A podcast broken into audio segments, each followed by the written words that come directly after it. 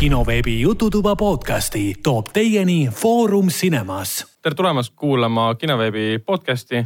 mina olen Ragnar, kinoveebi peatoimetaja, minuga koos täna saates, nagu alati, on Foorum Cinemase programmispetsialist Henrik. tere. ja filmistsenarist, filmikriitik Helen. tere, tere tänases saates, nii nagu eelmises saates, räägime kõigepealt filmidest, mida oleme vahepeal kahe podcast'i vahepeal vaadanud. seejärel võtame läbi mõned uudised nii meilt kui mujalt. Seejärel võtame ette mõned filmid, mis me oleme vahepeal kinodes vaadanud. Nendeks filmideks on näiteks õudusfilm Auk maa sees, siis mainime ka poole sõnaga Kuidas tasutada lohet kolme. räägime ka ratsarikkaks filmist ehk siis inglise keeles The Hummingbird Project ja muidugi ka uuest värskemast Eesti filmist Mehed ja viimasena siis teeme ka väikseid äh, filmisoovitusi, mida vaadata nii kinos kui ka kodus.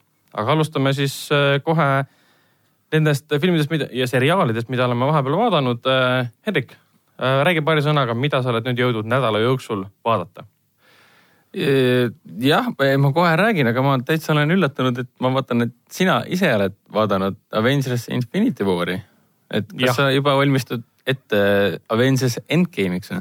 jah, see tuleb juba ju kahekümne kuuendal aprillil. kakskümmend kuus aprill ja siin linastub Eesti kinodes jah? ja ma vaatasin seda, vaatasin teda kolm päeva pärast kuna ta kestab ju kaks, kaks nelikümmend, nelikümmend kaheksa. oota, mida, kas sa ütlesid praegu, sa vaatasid seda filmi kolm päeva? jah, kolm erineva, kolm erineval päeval. tundub, et on, mida oodata, eks ole, kui niisugune film on, et ei jaksa üheskoos ära vaadata. ma olen teda varem ikkagi mitu korda näinud ja seekord ma vaatasin hoopis teise mõttega, et äh, mul on harju-, noh, eelmises saates sai räägitud ka, mul on harjumus vaadata asju äh, Äh, taustale, seda ma vaatasin ka veits taustale. kui tulid emotsionaalsed kohad nagu siis äh, Rip Comora, siis, äh, siis ma vaatasin suurel ekraanil seda. või siis Rip Spider-man. no täpselt jah, et Mr Stark I don't want to go ja kõik see meemi, meemi kuningas. It still gets us. väga dramaatiline. ja, ei no Helen, Helen vihkas seda filmi, seda me teame. või tähendab, vihkamine on tugev, tugev sõna. sa Järg,. järgmises saates enam Helenit siin ei ole. Helen, Helen polnud nii sillas, kui meie sellest olime, aga samas on väga tore, et meil on kaks inimest saates, mina ja minu vend Hendrik, kes armastavad mm -hmm. Selliseid filme ja meil kaks on üks inimene saates, kes täpselt, me saame võidelda kahekesi sinu vastu. Uh, jah, ma vaatasin uuesti ja endiselt meeldib. ta on, äh, tal on väga suured probleemid äh, sihukese tempo, tempo hoidmisel, aga ma saan sellest täiesti aru, sa pead mingi alla kolme tunniga mahutame sisse mingi meeletu sõja, panema paika peategelase, kes minu silmis on hoopis äh, Thanos Äh, see, kes siis teeb wow. sõrme nipsutusega korraldab siis äh, poole universumi genotsiidi. sest esimene Infinity War räägib temast, see on tema lugu. nii et sul, sina pead siis Infinity War'i peategelaseks äh, genotsiidi hullust äh, psühhopaati hashtag uh, Thanos did nothing wrong okei. Wow, too soon et jah, ta on endiselt väga hea film, aga nii nagu ma ütlesin arvustuses omal ajal eelmise aasta aprillis, kui see film välja tuli, siis uh, ta ei, ta ei mõju ühe tervikuna. ta mõjub umbes niimoodi, et sa pead seda vaatama Infinity War'i ja Endgame, mis nüüd tuleb välja ühe filmina, et ta mõjuks loogilisena see on üle, ainuke põhimõtteliselt äh, Marveli film, mis mõjub nii poolikuna, kui üldse olla saab. ja, ja see oligi nii kõige kohutavam selle juures ja. nagu, et no teete, tõmbate kõik teemad käima ülesse, siis nüüd lõputiitrid, ärme nüüd rohkem jumala eest näita nagu. kui sa võrdled seda siis Harry Potteri äh, seitsmenda filmina, filmiga, mis tehti kaheks, siis seal suudeti see väga ilusti pooleks mm. teha. üks film jutustas ühe loo ühes stiilis ja teine film oli ainult lahing ja kõik see. ma, ma, ma vaidleks vastu ses suhtes, et äh, olen ma siis sattunud äh, Marveli äh, slaš äh, Disney äh, promoohvriks või mitte, sest noh, ise ju nägid kurja vaeva sel teemal, et kaotada ära publiku silmis, kui noh, ootusärevuse, publik on ootusärev, ootab siis Infinity War'i mm. -hmm. Nad kaotasid, püüdsid ära kaotada selle tunde, et tegemist on nagu esimese osaga Infinity War'is, sest kunagi veel oli ju ametlikult Infinity War. part üks ja part kaks oli jah.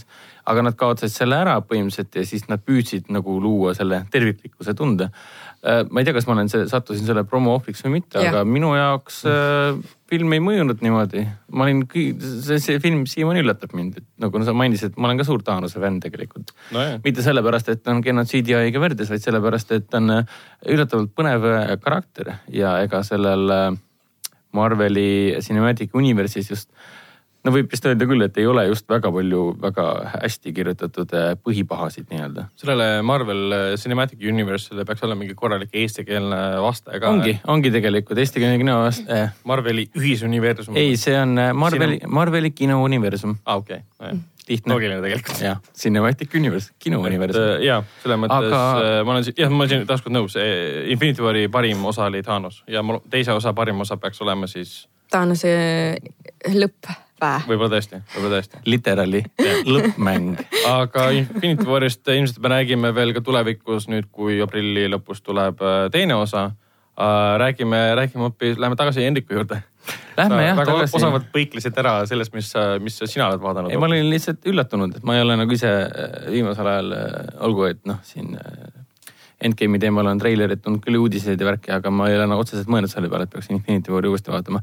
aga mis ma nüüd äh, möödunud äh, nädalal vaatasin uuesti, oli kuidas taltsutada lohet äh, esimesed kaks osa.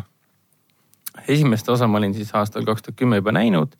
teine osa oli alati kuidagi kõrvale põigenud minust, ehk siis mul oli tegelikult käsi südamel siiamaani teine osa nägemata mm. -hmm. no ta ilmus küll aastal kaks tuhat neliteist, nii et eh, see on vist mõistetav, et nagu neli kuni viis aastat on möödas, siis vahepeal tuleb meelde, et kurat Neid animatsioone on nii palju olnud ka vahepeal tõsi, tegelikult, et ega neid ei jõuagi track ida, et. siin vahepeal ju see Illumination hakkas tootma neid. Äh, aga õnneks. Minionite ja yeah. Despicable Me yeah. ja Mina supervargus. õnneks ei saa seda seeriat süüdistada selles, et neil on liiga palju episoode ei või ole. siis nad on ja. kuidagi kindlasti. liiga teema kogu aeg, et sul tekib üleküllastatus, ei seda ei saa. ja mänguasjad ja kõik need asjad, et ma, no eks neid on, aga need iga, kõik ei kanna vist draakoni kostüüme.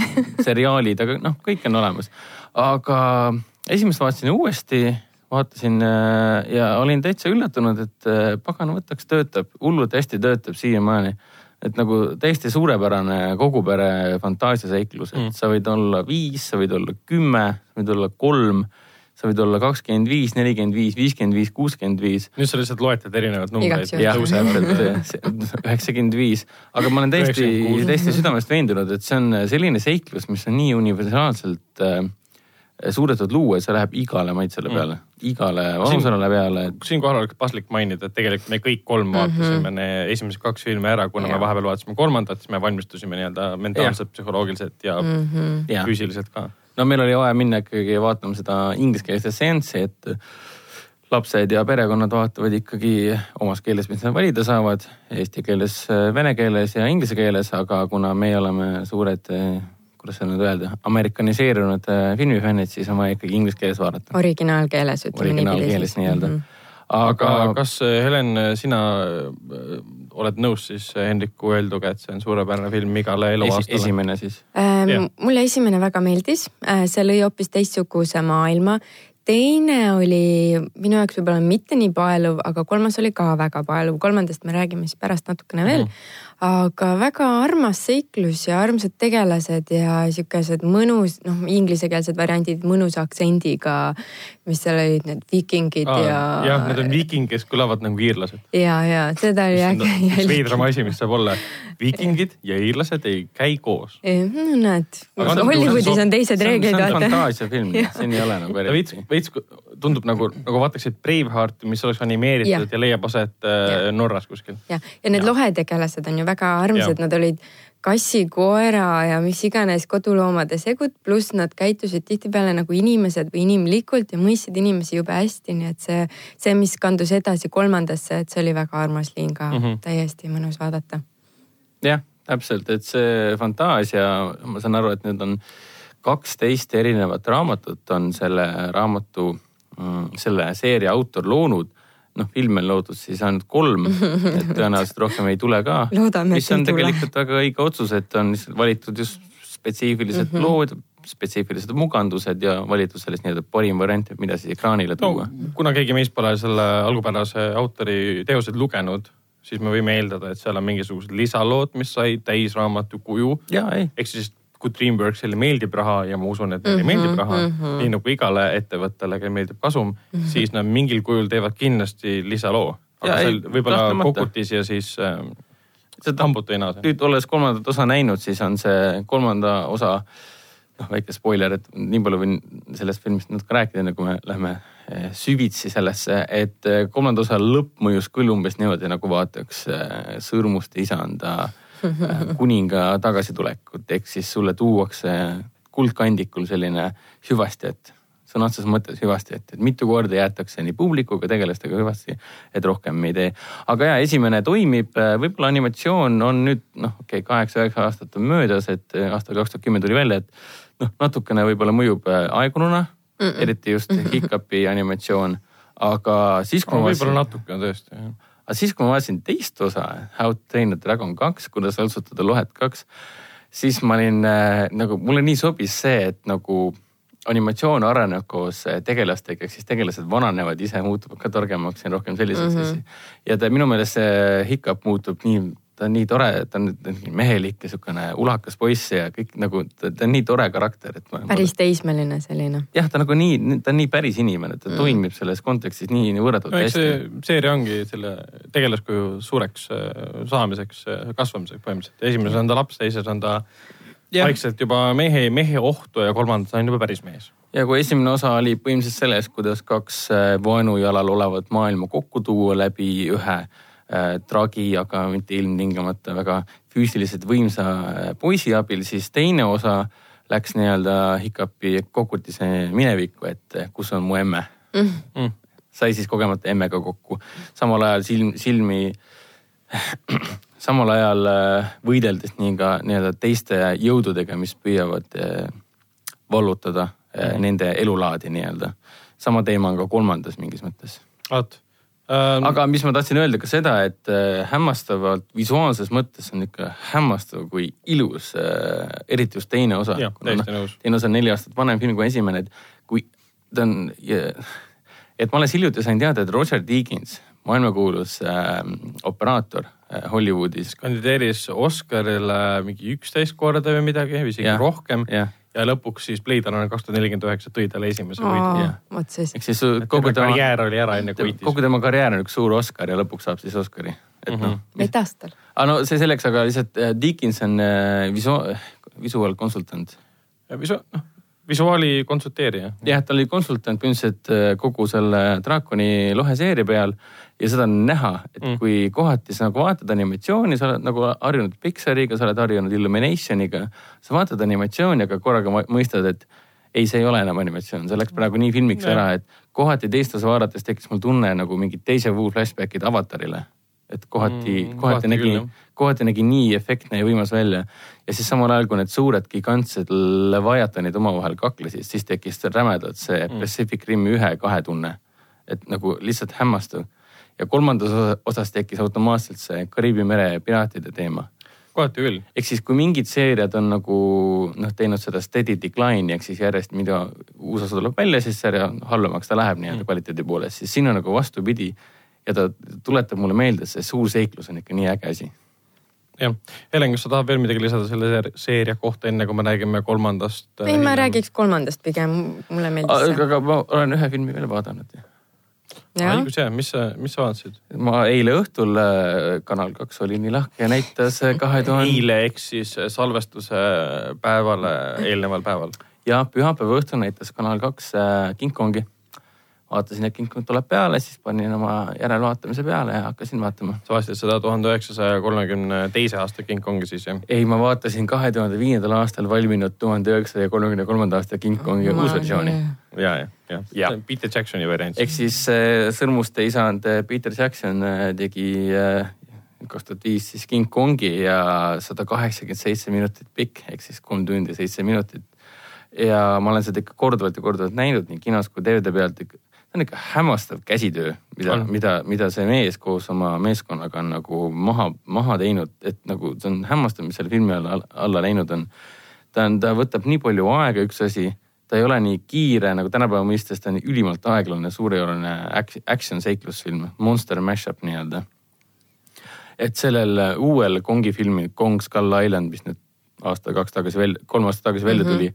Sellel ei ole mitte midagi selle filmi vastu. no too oli põhiliselt ikkagi eriefektide peale üles niisugune... ehitatud ja ka seal loo poolest midagi uut minu arust ei olnud. Action pikk nii-öelda, aga King Kong on ikka suur jutustus, no nii ilusad kaadrid, sul on võtteplats on nii kaunilt äh, kokku muundatud oma roheliste ja siniste taustadega ja kõik töötab nii loomulikult. sa tead küll, et kõik on jumala fake tegelikult, aga see töötab nii hästi, et sa enam mm., ta viib sind sinna maailmasse ära. lihtsalt, kuna tal oli Sõrmute isanda triloogia läbi saanud, see oli näha, et see. tal oli igav, tahtis natukene nokitseda. tal oli vaja ennast välja elada. kas, kas see või ta oli lihtsalt nii palju õppinud juba kolmanda osaga kolmanda osani jõud ees, et oskas neid efekte ja siis praktilisi efekte võimalikult hästi kasutada. et, et, et kohati oli sihuke tunne, et nagu Peter Jackson ikka täielik filmipõlur, et see mees on hämmastav. no pluss. ma väga loodan, et ta võtab kätte ja teeb ka mingi järgmise suure projekti, et um, ta ei olegi pikka aega päris filmi teinud, et noh. tal praegu on ainult produtseerinud erinevaid asju, mis pole kõige paremad olnud mm. ja siis ähm, see dokumentaalne film, mis ta tegi ähm,. They will never grow old yeah Äh, mis nüüd Suurbritannias vist linastus ja oli väga edukas olnud. jah, sellel aastal ta hakkab nüüd Amazonis, Amazoni kaudu äh, levitatakse seda. aa, aa vot, selge. ja teine asi on ka see, et nagu ma olen veits seda kolmekümne kolmanda aasta filmi ka näinud ja see on kohati on nii hämmastav, kuidas Peter Jackson on üks-ühele loonud äh, nagu austusavaldusena loonud mingid kaadrid, stseenid uuesti mm. -hmm et siis jäljendada seda efekti, mida kolmekümne kolmandal aastal need inimesed said, kui nad seda filmi vaatasid. ja, ja seal on ka see, kui sa teatud äh, džungli kaadreid vaatad, siis sa näed, et see kaader on raamitud täpselt nii nagu originaal ehk siis originaalis ju võeti, oli võtteplatsis ehitati siis, äh, platsile ehitati siis. Äh, maketid. maketid džungel valmis ja taustale pandi käima filmi ähm, ekraan mm, -hmm. kus siis jooksis video sellest, kus, äh, mitte video, filmi lindi pealt jooksis siis see, kuidas King Kong tuleb kallale okay.. ja kohati kahe tuhande viienda aasta King Kongis on näha, kuidas ta tänapäevaste vahenditega siis taas loob seda mm. -hmm. aga mitte noh, sama efekt, aga sa saad aru, et see on austusavaldus okay.. vot aga ongi kõik, rohkem oleme ikka vaadanud? ei, ma rohkem ei tahtnud vaadata vot, vot, aga siis äh, Helen, räägi meile, räägi meile seksist. okei okay. uh,, seksi wow. teemal saab uh, ennast kurssi viia siis Netflixis näiteks uh,. noortesari Sex Education ja animatsioonina Big Mouth, mis sama, mõlemad räägivad siis noorte um, kasvavatest tunnetest iseenda ja teiste vastassugupoole vastu. enesearmastus või? no pigem on just enesearmastusest eemaldumine, kui sa oled tiinekas. aga Sex Education on väga huvitav sari, mida on ka hästi palju kiidetud ja sellele tuleb teine hooaeg ka. ja ma kuulsin jah millal ei tea, noh, võib-olla aasta pärast, eks. aga see oli väga põnev. Ehm, seal on nii hetero kui ka homoarmastust ja on ähm, üksteise tundmaõppimist, ähm, kaost, ellujäämist ähm, ja kellele meeldib Gillian Anderson, siis tema mängib seal äh, peategelase ema. tal on väga äge roll ja ka, ka, ka täiskasvanud võivad ennast taas leida või iseennast avastada nii-öelda, nii et seal on ka üks niisugune temaliin sisse toodud.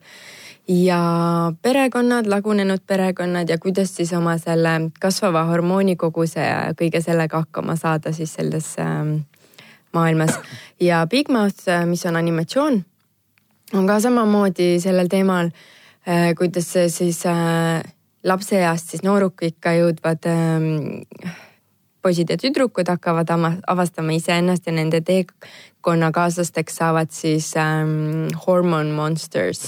ma olen selle treilerit vaadanud, väga naljakas. ise pole vaatamiseni jõudnud, aga see näeb väga huvitav, sa tood hormoonid kuletisena esile. ja, ja see on hästi selline otsekohene, lööv, kohati ajuvaba ja, aga samas väga nauditav, et mulle väga meeldis. ja sellele peaks ka tulema teine hoo, ei uus hooaeg, ma ei teagi, mitu neid nüüd kokku on, kaks on vähemalt ja vahepeal siis tuli äh, Valentine's special tuli ka välja. ja need on Netflixis kõik kättesaadavad, täitsa mõnus vaatamine. ja lisaks siis vaatasin äh, eelmisele saatele nii-öelda äh, jätkuks Ricky Gervais Gervais. ma, ütlen Gervais öelda. Gervais. Uh, uus sari Afterlife, mis oli ka päris tore. no ta oli küll natukene rohkem masendavam, kui ma arvasin, et noh, okei okay,, teema on lein, eks ole, ja sellest mm. ülesaamine. aga ma arvasin, et seal on musta huumorit rohkem. et äh, ma, ta päris mind niimoodi sisse ei kiskunud, et ma lihtsalt istun ja vaatan, ma pigem äh, tegin muid asju ja see käis taustaks ja kuna sihuke briti inglise keel on hästi mõnus ja nauditav, siis äh, siis ma lihtsalt kuulasin, mis nad rääkisid, vaatasin natuke, mis nad tegid, ega nad väga midagi ei teinud, aga karakterid olid väga värvikad. et selles suhtes, et äh, Eesti sarja tegijad näiteks võiksid sellest õppida, kuidas äh, nõus. luua huvitavaid karaktereid, et seal oli narkar, prostituut, siis see see leinav mees, eks ole, siis olid kontoritöötajad seal ja, ja, ja muud pereprobleemidega inimesed, et kuidas siis ähm, neid omavahel suht-, suhestuma panna ja kuidas äh, sellele loole luua selline mõnus vibratsioon või selline äh, põrkumine mm., et üks asi viib teiseni või üks inimene, üks karakter on seal sellepärast, et ta teeks midagi teisele karakterile, kes teeks midagi kolmandale karakterile, kes teeks midagi neljandale karakterile ja et see neljas karakter teeks midagi esimesele karakterile. Mm.. et need asjad nagu toimisid ikkagi seostega ja noh, ma, ma arvan, et ma soovitan seda, et ähm, mõnus sihukene Mm. et võib-olla nagu see, et kuna see peategelane on hästi suures masenduses, et siis äh, võib-olla sellepärast on ta hea Eesti inimestele vaadata, et sellest masendusest nagu on võimalik üle saada, et, et seal Vau. wow. noh mm. eriti kuna meil nii pime on ja kevad tuleb küll varsti, aga. praegu on juba sutsu valgem väljas jah. Vau, olge, olge nii rassistlikud. um,. väljas on sutsu valge, mis mõttes? sa lihtsalt ütled niimoodi. astusid vale jalaga voodist välja. okei, see oli ei, väga ma lihtsalt halb. äh, tundsin, et see on hea See võimalus halb. teha nalja, aga ilmselgelt keegi Nope. niimoodi ei mõelnud kui mina. ja ei. filmidest ülejäänud, kuna see teema oli nii halb, siis ma lihtsalt lähen üle sellest praegu ma. lähen ja häbenen nurgas. jah, et, et, et kinos jõudsin palju käia, aga nendest me räägime pärast siis Mhm. veel ja mm, noh, rohkem nagu ei olegi midagi välja tuua hetkel. Ma lisaks Big Mouthi kohta seda, et tal on kolmas äh, hooaeg äh, väljas põhimõtteliselt mm, -hmm. aga lihtsalt kaheksandal veebruaril tuli alles esimene osa ja rohkem pole teised osad välja tulnud. okei, võib-olla siis. et siis mingi paus. on või midagi laadset. tõenäoliselt küll jah. ja Afterlife'i kohta jah, ma olen sinuga selle koha pealt nõus, kui Ricky Gervaisi enda tekstid äh, ja naljad ja esinemised on alati väga-väga teravad olnud mm, -hmm. siis see nagu oli näha, et ta ei olnud nii, nii terav. ja, et ühel hetkel läks kuidagi minu jaoks isegi liiga pehmeks, et ma nüüd sain oma Jaa. probleemidest aru ja ma hakkan nüüd heaks. ja see oli jah tõesti niimoodi, et jõu, et kui ma oleks seda vaadanud konstantselt, siis ma oleks ka tundnud seda rohkem, aga Jah. kuna ma lihtsalt tegin muid asju, siis ühel, ühel hetkel ma avastasin, oi kui tore, ta saab üle iseendast mm.. ja no selles suhtes, et oli ka äge, et seesama naispeategelane, kes siis tema naist mängis, temaga nad mängisid koos ka siis Terekis, et, et selles suhtes ja, et Ah. päris mõnus oli nagu selles suhtes vaadata, et näed jälle tuttavaid nägusid ja hääli. vot. mis me veel mainime, on see, et mina vaatasin Zombieland'i üle pika aja uuesti, see on siis Ruben Fleischeri film Summer Racer, kes tegi, kes tegi siis Venomi ja praegu on Ui, siis äh, lõpetamas ähm, sügisel linastuvat Zombieland kahte. Aitäh mis, selle mis eest. peaks siis juba saabuma teisele, vabandust, ma vaatasin äh, esimest osa. teise osa nimi on siis äh, Zombieland äh, Double Tap. Double Tap vihjab siis ühele reeglile, mida Jesse Eisenbergi tegelaskuju esimese filmi alguses tutvustas. selle osa siis zombimaailmas ellujäämise nagu õpikust ja reeglitest. Double Tap tähendab seda, et kui sa ühe korra tulistad zombit, siis äh, ei tee paha ka teist korda tulistada, sest ta võib muidu üles ärgata mis, sina. mis tahes relvaga zombid maha võttes Jah.. see on näiteks üks asi, mida äh, teleseriaali Walking Deadi tegelased mitte Nii. Kunagi pole ära õppinud. ja, ja et zombit võiks tulistada kaks korda. ma saan aru, et kuule on vähe, aga elu, elusid on ka vähe. Walking Äh, Deadis on küll kuule nii palju, et keegi aru ei saa, kust need tulevadki üldse. täpselt. ma ei ole seda näinud, ära vaata ei vaata. esimesed kaks hooaega tasub vaadata. aga see selleks, Zombieland on endiselt väga värske film, olgugi et ta on, issand jumal, kaks tuhat, kaks tuhat kaheksa aasta film, kaks tuhat seitse aasta film. kaks tuhat üheksa. okei okay,, peaaegu, kaks tuhat üheksa aasta film. ta mõjub endiselt väga värskena, eriti see formaat, mis viisil ta oma lugu jutustab. et see, et sa näed visuaalselt äh, keskkonnas reegleid, mida Eisenbergi tegelaskuju Columbus või Columbia siis, siis äh, järgib ja see, milliseid lahedaid sihukeseid trikke see film kasutab loo jutustamisel, sest lugu on väga tavaline. aga ühel hetkel tuleb välja nagu, ilmub välja siis Bill Murray näiteks teeb väga ägeda cameo ja Zombieland vihjab ju nagu Disneylandile ja lõpp leiab ka aset nagu äh, atraktsioonil, kus zombid ründavad ja sõidavad mööda atraktsioone ringi, samal ajal võitlevad nendega, et see on väga lõbus ja samal ajal dramaatiline. naljakas on ka ikka või? väga naljakas Okei. jah. seal on siis noor Emma Stone ka Okei. ja teise osa kohta siis Eisenberg ja kui ka siis Woody Harrelson, kes esimeses ka mängis äh, Tallahassee't äh, ähm, on nüüd korduvalt öelnud kuskil Instagramis, Twitteris, et nad on konstantselt naersid nagu segaselt äh, teise osa võtetel, et see pigem okay., ma loodan, et see naer, naer ja see huumor võtetelt see ka tõlg, filmi. tõlgen, tõlgendub ka kinoekraanil. jah, täpselt. Eelmisel nädalal tegelikult me ei maininud seda filmi, see Isn't it romantic Ah, mis äh, Netflixi jõudis, et ma vaatasin vahepeal lõpuni, üldse ei meeldinud. Äh, see on siis see film, mis on loodud samas vaimus kui see Amy Schumeri komöödia, mis nüüd eelmisel aastal jõudis I feel No. I, I feel pretty oli filmi nimi. kus peategelane, kes äh, lõi oma pea ära ja siis tundis ennast ilusamana, kui ta tegelikult tundis, et ta on mm. -hmm. siin on siis um- umbes samamoodi, et armastuses elus pettunud, tegelikult mitte elus, armastuses pettunud naine lööb, ta lõi ka pea ära või? juba läks meelest. ja ma hakkasin ka mõtlema, ta ta ja ta, ja ta lõi pea ära ta lõi täpselt, pea ära. lööb pea ära ja siis ta hakkab oma elu nägema eh, perfektse romantilise komöödiana, kus kõik romantilised seiklused laabuvad, tuleb prints ja umbes kõik Mhm. siuksed asjad aga see on nii, nii tavaline, täpselt nagu see Amy Schumeri film oli väga tavaline, see on ka Mhm. sama tavaline. ja kõigele lisaks äh, tegelikult, mis on natukene nagu nõme võte, et äh, filmi alguses no tegelikult ta rääkis seal oma töökaaslasega, kuidas kõik hakkab täpselt olema. Ja siis täpselt nii oligi kõik. Ja, ja kusjuures ja, ja et äh, see oli nagu niisugune odav trikk või et noh, tõenäoliselt nad arvasid, et aa, teeme niimoodi ja ja siis ma ei tea, kõik tahavad seda näha ja ootavad ja vaatavad, aga tegelikult see mõjus nii lamedalt ja ega sa ei jõua kõike teksti kuulata nagunii, mis tegelased räägivad ja, ja väl-, noh, mõelda, et no mida see nüüd tähendab, onju. ja, ja siis äh, ühel hetkel nagu oligi need okei okay,, tore onju, aga siis jah, lame või cheesy nagu Mm. siukene. ei, siukseid lugusid saab väga hästi jutustada, see, et sa kaotad inimese mälu ära, ma mäletan kunagi oli see Adam Sandleri äh, Fifty First Dates. Jaa, just, just, just. komöödia oli see ja, ja, tegelikult. aga see siis vist ei olnud varem tehtud nagu siukse asju Jaa. aga, aga ja nüüd on nagu üleküllus selle Jah. koha pealt, et üks polnud hea, aga teeme selle põhjal veel. teeks, see, kunagi toimis, äkki toimib see oli veel. veel Netflixi film, et Eestis tuli ta ainult Netflixi, aga. USA-s ta jooksis kinodes. ja ma ka imestasin, ma arvasin, et ma pean veel pool aastat ootama, et kinno minna, aga siis ma ühel hetkel vaatasin, et oi, tere. panin käima, alguses võtsin tõsiselt, mõtlesin, ma nüüd vaatan, mul nüüd tuleb hea tuju selle filmi peale mm,. nojah okei okay,, kõrvalrolli mulle meeldis, et need näitlejad. Jaa, see oli värvikas. Adam, ei tule meelde praegu see, kes mängib selle. Divine. Divine. ja üliseksikat meest siis Chris Hemsworth. jah, Chris Hemsworth, Thor, kellest me varsti räägime, mängib seal ka. Thor. oota, aga mis mõttes, seal Young. mängib ju Liam. aa, Ah, tähendab mitte Chris, vaid Liam Hemsworth. oi, no Ja nüüd see on läks küll metsa. see on tema vend ja mitte. oota, kas te praegu reaalselt mõtlesite, et Kusjuures- Isik romantikus mängib Chris Hemsworth? no üks nendest mängis, ma ei, Oh, ma te ei üldse ei saanud aru, et mõelnud. see ei ole Chris Hemsworth, kui te filmi vaatasite? no kui ta ikka särgi seljast ära vaatab, võtad, vaata siis ma näkku ei vaata.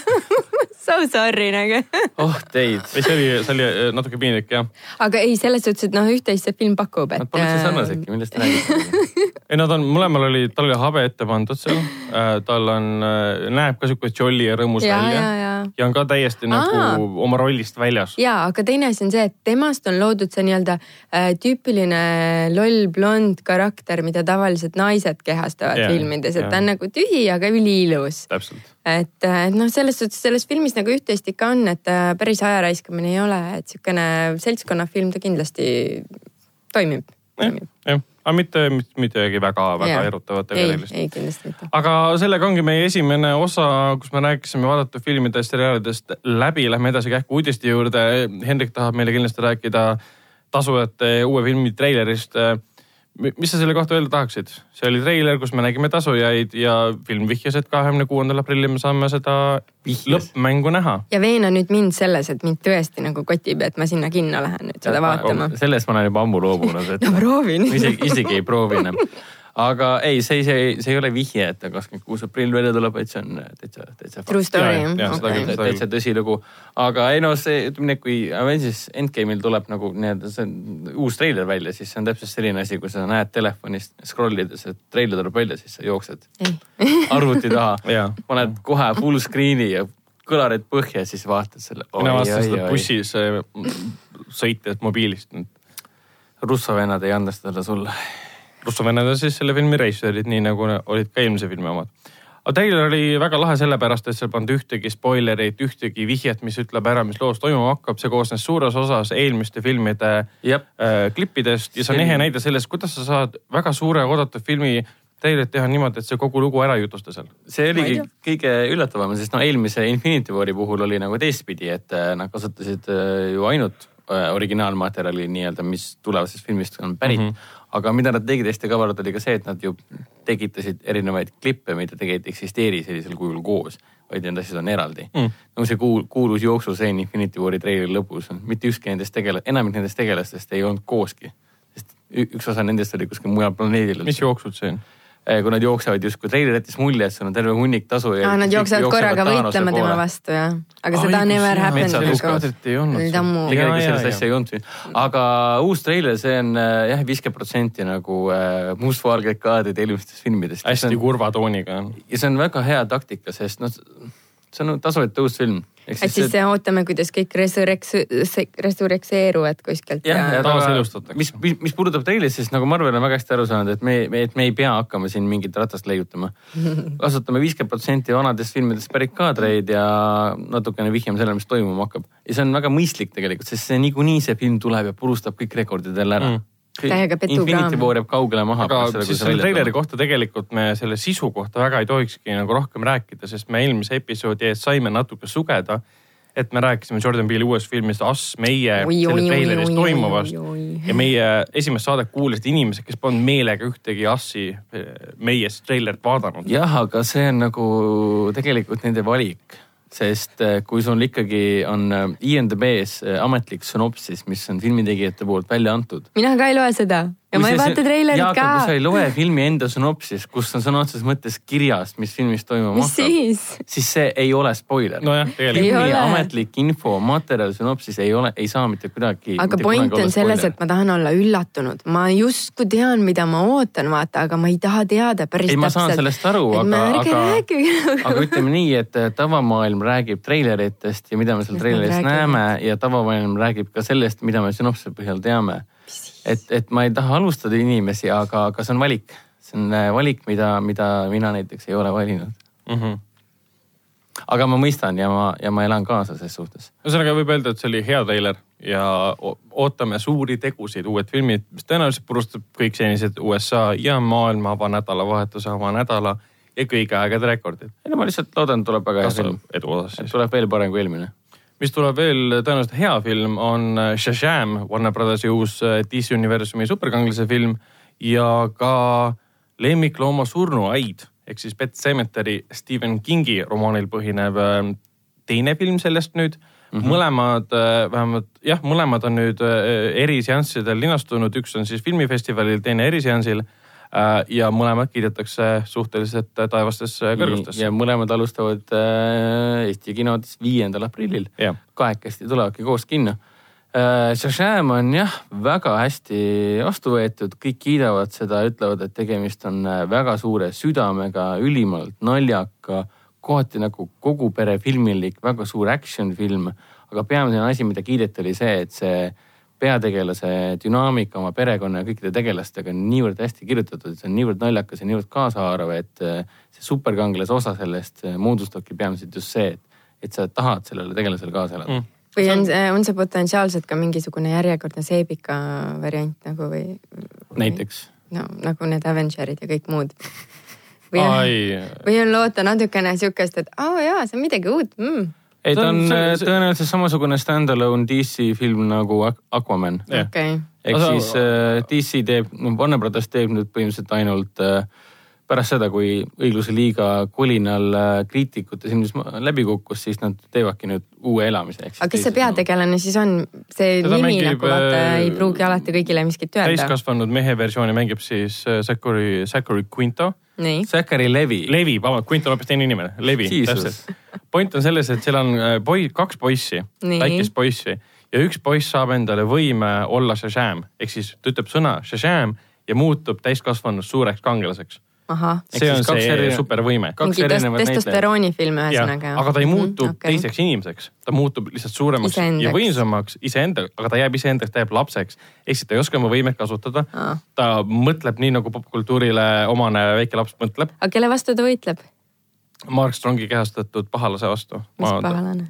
ei, me ei tea seda. Ma ei tea mina, mina ei taha rohkem uurida ka okay.. alusta seda väljas, ma võiksin praegu seda välja siis lugeda, aga ma ei taha suur osa filmist keskendubki sellele, et sul on väike poiss, kes järsku muutub superkangelaseks ja kuidas tema vaatevinklist see asi võiks laheneda. okei, ja see, sealt see komöödia pidigi tulema. ja üks asi, mida ühes feature'etis ma vaatasin ka, mida nad eh, filmitegijad ise ütlesid, et eh, üle pika aja on see nii vahva, sest muidu on nagu superkangelased võitlevad Thanose vastu. ja hästi tõsine on alati hästi tõsiste vastastega päästavad maailma, aga seekord on meil üks neljateistaastane poisiklutt, kes saab võimaluse, elu suurima võimaluse olla oma unistuste, unistuste kangelane iseendana. okei, ehk siis ja ta, ja ta täiega naudib seda, ehk siis nagu sul oled ise kümneaastane näiteks ja saad olla superkangelane.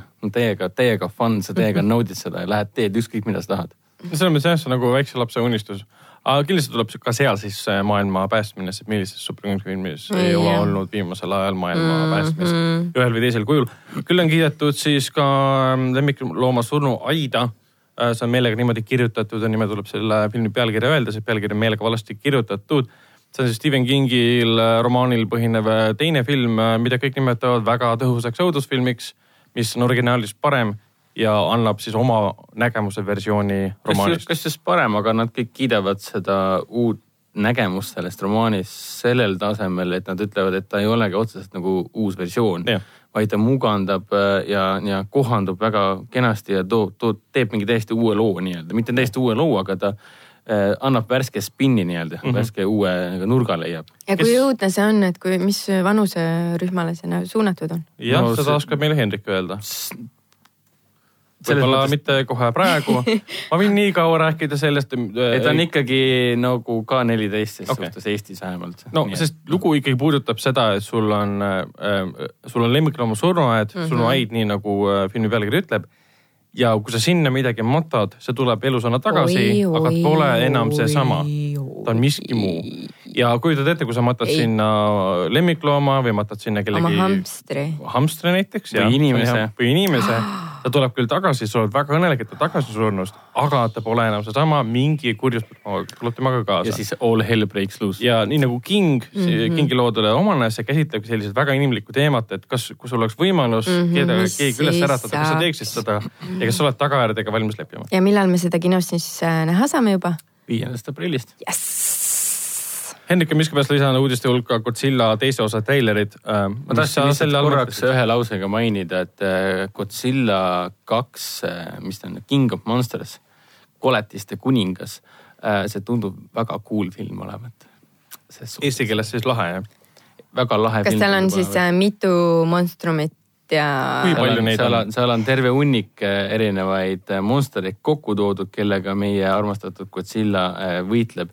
Ja vastu- inimeste eest või inimeste vastu? vaata, see on üsna niisugune ambivalentne praegu ahah, et okei. ei olegi täpselt aru saanud, et treileritest äh, antakse justkui mõista, et mingisugune titaanide vaheline heitlus käib, et mm. -hmm. meie maa kuulub neile ja mis iganes Oi, veel oi.. aga sellest veel täpselt niimoodi äh, aru ei saa. no kindel on see, et äh, filmi teises pooles, võib-olla viimases siis täiesti nagu finaalis üks koletis võitleb, tähendab Godzilla võitleb mitmete suure koletistega. Ja tõenäoliselt võidab, see on nagu, see pole üllatus, et ta, et ta võidab, et see on. aga no lahe on see, et nagu aastal kaks tuhat üheksateist me näeme, kuidas äh, vägev Godzilla võitleb selliste vastastega nagu Motra, Rodan ja King Ghidorah. jah, see ütleb mulle hullult palju. Motra on, Motrat ei tea, see on see, Motra on see on suur, suur paks liblikas. põhimõtteliselt ei jää öölevikas täis. nimed meelde. Ghidorah oli siis milline, see oli see kolme, kolmepealine hüdra põhimõtteliselt. põhimõtteliselt hüdra ja see, kes see kolmas oli? Rodan, see Rodan. on äh, põhimõtteliselt nagu pterodaktüülus. Pterodaktylus või? Pterodaktüülus. selge, selge Mulle meeldib. ootan, pterodaktylus. ootan, ootan juba huviga seda ma tahtsin lihtsalt öelda, et see äh, treilerid on lihtsalt nii ägeda siukse poeetilise musaga alati varustatud mm -hmm. ja nad näeb väga kihvt välja.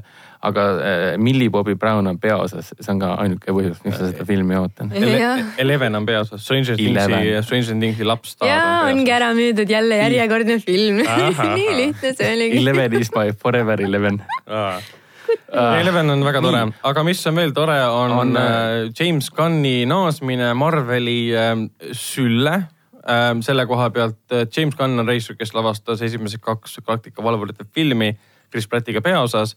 Eelmise aasta, eelmise aasta juulis ta vallandati ja nüüd siis Marvel Disney, noh Disney omab Marvelit, Marvel Disney andis siis teada, et nemad palkasid uuesti, et ta, ta teeks siis kolmanda osa.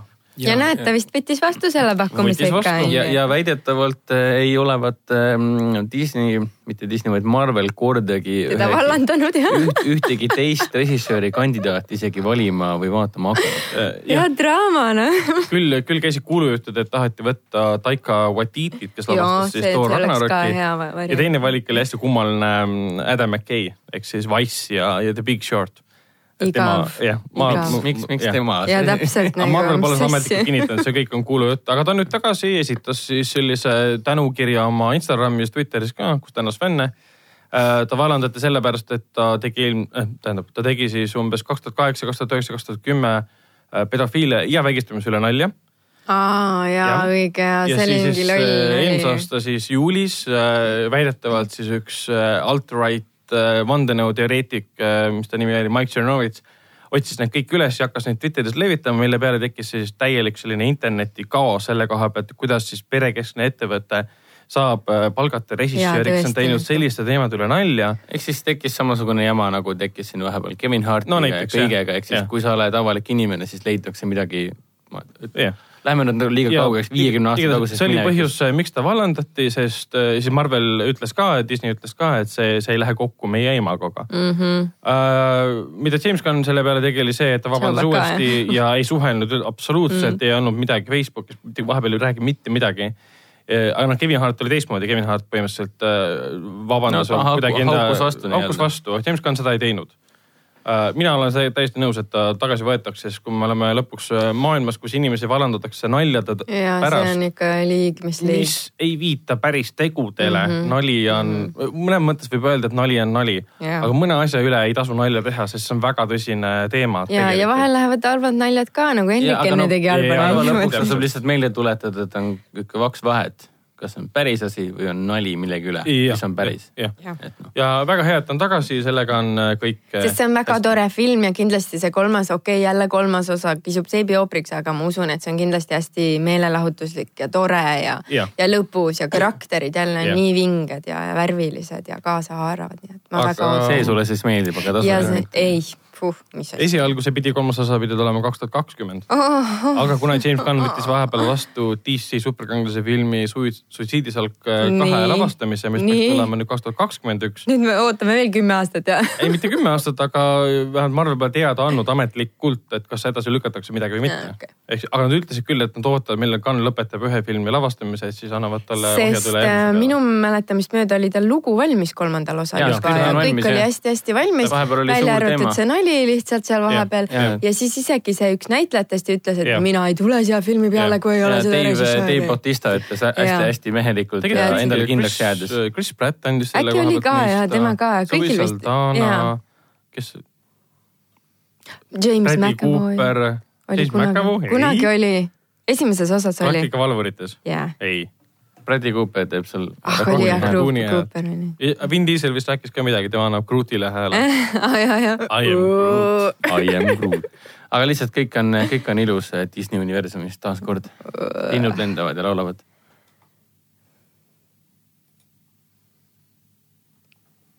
Äh, korraks pausi, lihtsalt meil on liiga palju uudiseid praegu, võtame midagi kohe välja ja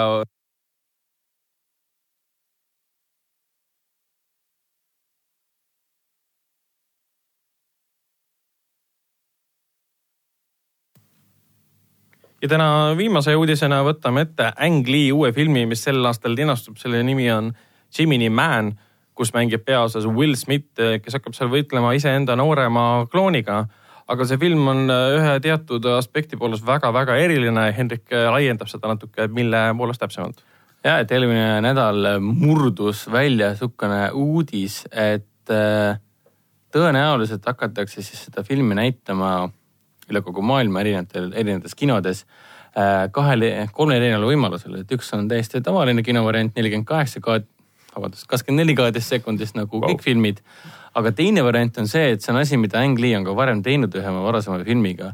ehk siis ta annab võimaluse näidata filmi sada kakskümmend kaadrit sekundis mm. -hmm. et tema eelmine film oli Billy Lynn's Long Halftime Walk, mis oli niisugune sõjadraama, mis äh, läks ka nii-öelda ajalukku sellega, et ta oli üks esimestest suurematest filmidest üldse, mis on sada kakskümmend kaadrit sekundis. ja aga Gemini Maniga on see, et see on nagu action'ipõhine eh, efektifilm ja siis on võimalus näidata teda 2D sada kakskümmend kaadris sekundis ja 3D-s siis kuuskümmend kaadris sekundis. ehk siis sellise kaadrisagedusega suurfilme Hollywoodi tasandil me ei olegi näinud eelmine kord, kui me midagi taolist suurt action saagat nägime, oli ju Kääbiku seeria, mis oli mhm. nelikümmend kaheksa kaadrit. -hmm. kõik äh, kolm osa näidati siis, äh, kas ta oligi, jah, nelikümmend kaheksa FPS. ja mis need kaadikesed siin kõik siin lõpuks tähendavad seda, et kui me muidu vaatame kakskümmend neli kaadrit sekundis, siis filmitegijad on otsustanud seda nii-öelda elamust teravdada sõna mm -hmm. otseses mõttes, ehk siis mida rohkem sa kaadreid juurde paned, seda teravamaks, seda puhtamaks, seda, seda ilusamaks tegelikult pilt muutub, kaob ära igasugune see motion blur ehk siis selline mm -hmm. udu, ehk siis kui sul on kakskümmend neli kaadrit sekundis äh, film ja sul on näiteks action stseen, keegi liigub hästi kiiresti kaadris, siis tekib see loomulik udu nii-öelda mm, -hmm. loomulik kadu, ehk siis sa tegelikult ei näegi. ta muudab pildi siis täiesti puhtaks, võtab sealt ära siuksed nii-öelda tehnilised praagid, mis tekivad. aga kuidas see 3D-s nagu peaks välja nägema? no me, nagu me oleme ju Kääbiku filmi oleme näinud nelikümmend kaheksa kaheteist sekundis 3D-s. ehk siis, ehk siis see mingi aimdus annab nagu ära, et mida see ärgem unustage muidugi, et 3D-s on ta kuuskümmend kaadrist sekundis mm, kaksteist sada kakskümmend. ja, aga lihtsalt, ikkagi ta on nagu, kõvasti rohkem kui tavaline ju. et kui ja. tekkis juba palju poleemikat neljakümne kaheksa kaadriga yeah., kui oli Käviku filmid, ehk siis noh, väideti, et ta on liiga realistlik, liiga puhas pilt, ei suuda aktsepteerida seda, et see näeb natuke, ise ka hakati nimetama, et näeb võlts välja ja nii edasi. see oligi tõsi selle koha pealt. see on suhteline sellega..., see, sa ei saa lihtsalt öelda, et see oli. seda on imelik vaadata lihtsalt, sa ei on. saa aru sellest nagu, mida su silm ja aju mina, näeb. mina näiteks nagu tervitan seda sellepärast, et Kääbiku-suguse fantaasia action filmi jaoks see sobis nii hästi ei, selles mõttes küll jah. et miks ma ei peaks tahtma näha ülipuhta pildiga tohutu suurt fantaasiaseiklust. no-brainer selles mõttes. see ei ole nagu normaalsus, et me eh, läheme koju ja vaatame Netflixis filmi, mis on täiesti tavaline või siis yeah. seriaal jookseb kuuskümmend FPS mm. -hmm aga kui see on nagu eriline sündmus, eriline action film lahedate mm -hmm. võimsate efektidega, see on juhuslikult sada kakskümmend FPS. spetsiifiliselt loodud selle jaoks, siis täpselt. loomulikult see on era, oma, omaette elamus. eriseansil siis miks mitte, et katsetada see oleks hoopis midagi muud küll jah. muidugi, selle Gemini mennist pole nagu suurt midagi teada, välja arvatud see, mis sa ütlesid, et Will Smith mm -hmm. võitleb äh,, asub võitlusse omaenda noorema klooniga keda mängib äh, Will Smith ise, kes on siis digitaalselt noorendatud. kas nad kutsusid appi siis Marveli, äh, Marveli tehnikaeksperdid, kes noorendasid kapten Marveli jaoks ka siis Samuel L Jacksoni? noh ma arvan küll jah. ma loodan sest, vähemalt, et see peab olema siis vähemalt sama hea, et oleks nagu äge. sest Marveli puhul oli küll see, kapten Marveli filmis oli küll see, et ma ei saanud pool filmi aru, et see noorendatud on. muidugi see on Samuel L Jackson ka, et ta ei vanane mitte kunagi. Jacksoni, Jacksoni kõndimisest ja jooksmisest oli veits aru saada, et ta on nagu vana mees, kes jookseb äh, aga ta on nii cool vana, et äh, las ta Ab. absoluutselt. tema, tema. aga kas, äh, viimane küsimus ja enne kui uudistega lõpetame, kas see film Gemini Man siis tuleb meile ka? Äh, sellisel kujul sada kakskümmend. kas see oleks sekundis. tehniliselt võimalik? jah. eks tulevik näitab, meie ah. kinodesse jõuab Gemini Man küll, aga kas ja kuidas ta sellisel kujul jõuab, seda me ei tea, selles mõttes, et see oli lihtsalt uudis, mida eil, eelmisel nädalal avastasime, Slash film äkki jagas seda mm. -hmm hetkeseisuga on film tulemas üksteist oktoober meie kinodesse. okei okay,, siis on ilmselt samasugune. ma arvan, et lähi, lähiajal saame teada, mis saama hakkab. no see on samasugune eriseanss nii-öelda nagu oli Kääbikuga, kuna Kääbikud jooksid ka tavalises versioonis ja nii nagu räägib äh, James Cameron avatari järgedega, et tema tahab kasutada 3D-d kus, mis ei nõua prillide kasutamist. Eh, aga see on ka umbes niimoodi, ma olen erinevate ehm, tehnikutega rääkinud, et see on täiesti võimatu kui seda saab teha, siis ainult väga kindlates olukordades, kindlas saalis, mis on spetsiaalselt selle jaoks ehitatud mm,. No ehk siis on nagu võimatu arvata, et teise ja kolmanda osa jaoks nüüd tehakse yeah. selline tehnoloogia, see läheb laia kasutusse üle kogu maailma mõned, mõned üksikud kindlasti saavad kuskil Ameerikas ja võib-olla kuskil veel, aga, aga meil vist nagu lootus on niisugune. ei no Cameron seal Foxi, Foxi stuudios või siis kuna Fox on nüüd eh, teisipäevase seisuga ametlikult täiesti Disney all, siis Tere! Disney stuudios saab siis eh, teatud eh, kindlale kontingendile näidata, selle koha peal. vot, sellega siis tõmbamegi uudistele joone, joone alla ja läheme edasi, edasi filmide juurde, mida me oleme siis kahe podcast'i vahepeal vaadanud, need on siis ainult, ainult kinofilmid. Üheks neist on siis õudusfilm äh, Auk maa sees, Hole in the ground, mida me käisime kõik kolmekesi äh, koos vaatama, vaatamas. mina sellest väga sillas ei olnud, äh, arvates selle filmi kriitilist, ütleme sellist taevasse kiitmist, ma ootasin enamat. ta on väga selline klassikalises võtmes loodud Iiri õudusfilm sellest, kuidas üks naine avastab, et tema poeg pole enam tema poeg ja mis selle taga seisab, aga see film oli kuidagi kahe erineva loo vahel konflikti sattunud, et polnud selge, mida režissöör täpselt jutustada tahtis ja see, mis tal välja lõpuks tuli, polnud üks, ühte ega teist. ja siin oli näha, et meil on tegemist, režissööri nimi on Lee Cronin, kelle jaoks on tegemist debüütfilmiga äh,. Lee filmi, ühte lühifilmi olen ma olen varem näinud, selle nimi oli Ghost Ghost, Train. Train ja see on ka naljakas, et üle pika aja sa lähed vaatama lühifilmi tegija täispikka filmi ja siis sa tunned ära nii-öelda easter egg'i tema enda lühifilmist. jah, seal ühes stseenis äh, alguses täiesti oli näha, kui ta oli lõbustuspargis, oli Ghost Train taustal. aa, see Jah, täitsa, täitsa alguses tava,. tavaliselt sa ei saa seda öelda, et ah, ma olen seda lühifilmi näinud, et ma tunnen Jaa. ära selle referentsi. aga nüüd on see, kuna, kuna mina ja Ventseli filmi valisime HÖFFi lühifilmi programmi, siis me nagu, meil oli isiklik suhe ma selle. mõtlesin, et miks te nagu nii hullult sahistama hakkasite selle peale, see oli lihtsalt nagu mingi lõbustuspark, kus oli mingi kiri. jaa, täpselt. issand, aga see oli ju kaks, aastal kaks tuhat kolmteist ka, nii et Seda küll, jah. kauge, kauge minevik, aga. aga näed, nüüd on tal valmis esimene täispikk film. debütandina on seda, ma korraks segan veel vahele No enne kui ma, et mida mul enne tahtsin öelda mõtte lõpuni sellega, et eh, on näha, et tegemist on debütandiga, Jaa, et jaa. kui muidu meil on näiteks eh, Ari Asteri lavastatud täiesti geniaalne õudusfilm Hereditary eesti keeles pärilik mis oli ka kinos meil siin oli. ka meil kinodes Mhm. mm -hmm. eelmine aasta ja sa ei saa üldse võrrelda neid kahte. Et üks on, üks Ari Asteri Hereditary oli, tüüp võttis kätte ja mõtles välja, kuidas mm. teha midagi täiesti huvitavat ja. mida ta täpselt, Aga- mis lugu tahab jutustada, mis on selle Aga- sõnum ja teema, kõik see. aga Holy, Holy in the Ground on nagu äh, klassikaline õudusfilm selles mõttes, et ta on visuaalselt on kõik väga efektne, kõik on väga hästi tehtud, aga sisuliselt ja karakterite poolest ei ole mitte midagi üllatavat. jah, no ongi jälle, kui me räägime debüütfilmidest, eks ole, on ju, ja siis räägime ka eelmise nädala Tõde ja õigus, mis oli debüütfilm ja nüüd see debüütfilm, siis selle kõrval on Tõde ja õigus tõesti väga tugev, on ju. et, et see oli oma žanris, oma looga, oma kindla struktuuriga algusest lõpuni. aga Auk maa sees oli jälle niisugune, et äh, nagu kui sa lähed, kolid võõrasse kohta ja sa avastad esimese asjana, et sul on üks suur-suur must auk maja taga. mis sa maja, teed? maja taga metsas. maja taga metsas. ja see oli ikka päris lähedal ikkagi ja, majale ja,. ja mis ta tegi?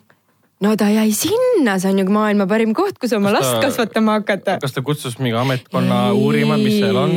ei, sa ei saa Aa. teha nii, see on õudusfilm. sa ei tohi märk, teha niimoodi, sa ei tohi liiga palju mõelda. see on märk tegelikult sellisest kohmakast õu- õudusfilmi, õudusfilmi kontseptsioonist. kui, absoluutselt. kui publik hakkab mõtlema mingi, miks te mingit kuule. geoloogi ei kutsu siia, mis, see on mis, nagu see koht, kus sa põgened ja kui sa ei põgene, siis me arvame, et sa ei ole kuigi tark ja kui sa ei ole kuigi tark, siis me ei ela sulle piisavalt kaasa ja siis me mõtleme, et kuule, tšikk, nagu mis valikuid sa oma elus teed, onju. jah, et sa tuled üksi oma lapsega elama ja sind ei häiri see, et sul on kui nüüd männimetsas või kuusemetsas Jah. on konstantselt maa sisse vajuv auk. ja siis sa imestad ja siis sa veel imestad, kui midagi Kui midagi äkki on valesti, kuidagi natukene nagu imelik. ühel hetkel käis, ühel hetkel ta laps kadus siis ära ja Aa, siis jah. ta läks talle öösel siis äh, metsa järele jaa, ja ta ei leidnud teda, aga midagi siis- ta nägi küll puu taga, keegi liikus ja leidis küll hiljem oma poja üles ja Mm. nagu unustas selle seega täitsa ära ja, ja läks hiljem siis klapid peast samasse metsa jooksma Mm. ökoloogiliselt mõelda ükski inimene terve mõistusega ei läheks kunagi sinna metsa tagasi, kui sa nägid öösel kedagi metsa taga äh, lubivalge nahaga no samas poleks loog- loogiliselt mõelda niipidi, et kui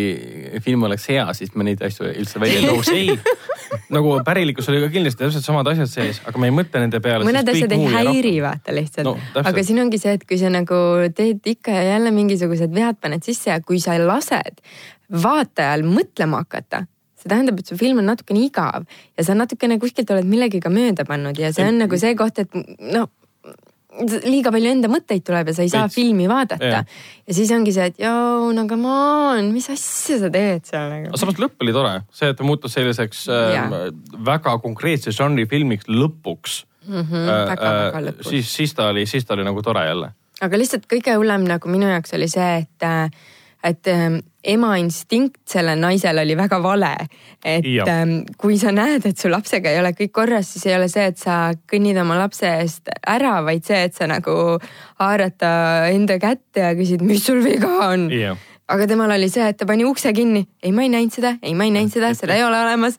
et ma näen, et midagi ebaloomulikku toimub mu lapsega. aga ma, ma ei tegele sellega siis, siis viib ta lihtsalt arsti juurde ja arst teeb arst seda klassikalist okay, no, mõtet, et ta kuulab tema hinge. ja, ja see oligi okei okay,, ta pidigi ära minema lapse juures. su laps kõnnib mööda lage, siis sa ei vii teda arsti juurde, sa viid ta preestri juurde, sa lähed ükskõik kuhu nagu väike, väike spoiler tõesti. aga ainuke asi, mis mulle selle, ma kähku mainin ära, mis filmi juures mulle meeldis, oli see, et ta oli ilmselgelt, ta oli arusaadavalt tehtud allegooriana äh, depressioonist mm. -hmm. kuna see naine oli lahku, lahku läinud oma siis mehest, selle lapse isast. tõenäoliselt oli, oli kannatanud siis ka vägivalla käes ja filmi lõpus ta sõna otseses mõttes ronis nii-öelda august ehk siis depressioonist välja, kus ta võitles ka iseendaga et see, see mulle meeldis, aga see on pigem see, mida ma ise sealt sain mm. -hmm. aga filmis ta ei tule välja no, korralikult. see on näha, et nagu filmitegijad on selle mõtte nagu paika pannud algusest peale, et filmi ja. nimi on Auk maa sees, sõna otseses mõttes peategelane läheb aina sügavamale auku ja. maa sees, allegoorilises mõttes, tema poeg läks auku maa sees, tema ise ei läinud. okei okay,, mingis mõttes läks ka. aga noh, ei ta on nagu, süda on nagu õige, vabandust, süda on nagu õiges kohas selle filmi puhul aga lihtsalt probleem tekib kohe sellega, kui ta ei, ei paku nagu õudusfilmi fännile suurt tutkit nagu. natuke ja, nagu ja, jah, jääb vajaka sealt. ja lõpuks sa nagu näed ka, et siin on need sähvakuid nagu on, sest ta paneb kokku sul sellise kummitava metsaelemendi, siis ta paneb sulle kokku äh, seestatud äh, lapse elemendi mm. -hmm. siis lõpus tuleb välja, et siin on ka mingi monster movie sees mm. -hmm. et nagu mõtted on iseenesest head, aga ta hoiab ennast nii lavast nagu tundub kogu filmi aja hoidis ennast rämedalt tagasi, hoidis ennast et ta ei julgenud kuskilt üle piiri astuda yeah.. et ma hoian ennast tagasi, ma teen kramplikult selle tavalise filmi. nii yeah., viimased mõtted selle filmi kohta, kas me soovitame seda või ei soovita? ei. ma, ma, ma hoiduksin nagu mitte soovitamisest, ma pigem ütleksin, et vaadake parem Happy Death Day kahte, see veel jookseb kinodes no,. see on näiteks. palju parem õudusfilm kui see. palju andekam ja loomingulisem ja reisijad ei hoidnud ennast kindlasti tagasi selle filmi juures.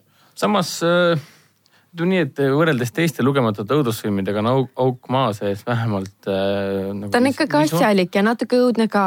Et, et väga vähe nõudlikule õudusfilmi huvilisele see on. tõenäoliselt toimib. ja, ja kui sa oled ja. nagu õudusfilmi fänn, kes tahaks näha midagi teistsugust kui see nii-öelda tavaline ehmatav horror nii-öelda. või veristamine auk jah, ja ehmatav horror ja veristamise auk maa siis tegelikult sobib sulle väga ja, hästi. sõltumata sellest, et ta on proble-, problemaatiline. sest ja. ta ei ürita sind labaselt ehmatada, ta ei ürita sind verega ehmatada. tal on vägev atmosfäär, vägev lokatsioon. väga ilus näitlejad. ja näitlejad on suurepärased. nüüd räägime positiivsetest asjadest ka, et nagu näitlejad on väga head. Casting, casting director on äh, auhindu väärt mm, -hmm. sest need tüübid ja need näod, mis ta leidis, on täiesti sobivad, ideaalsed. nii et, aga need metsad ja, ja maanteed seal olid ka väga põnevad, et selles suhtes äh, kena, väga kena väli, välimusega, visuaaliga. ja veel kõrvalrollides äh, nägime siis ka troonide mängu ühte mm, juba meie seast äh, lahkunud tegelast kehastanud näitlejat James Cosmo ja siis Soome kuulus näitlejanna Kati Outinen.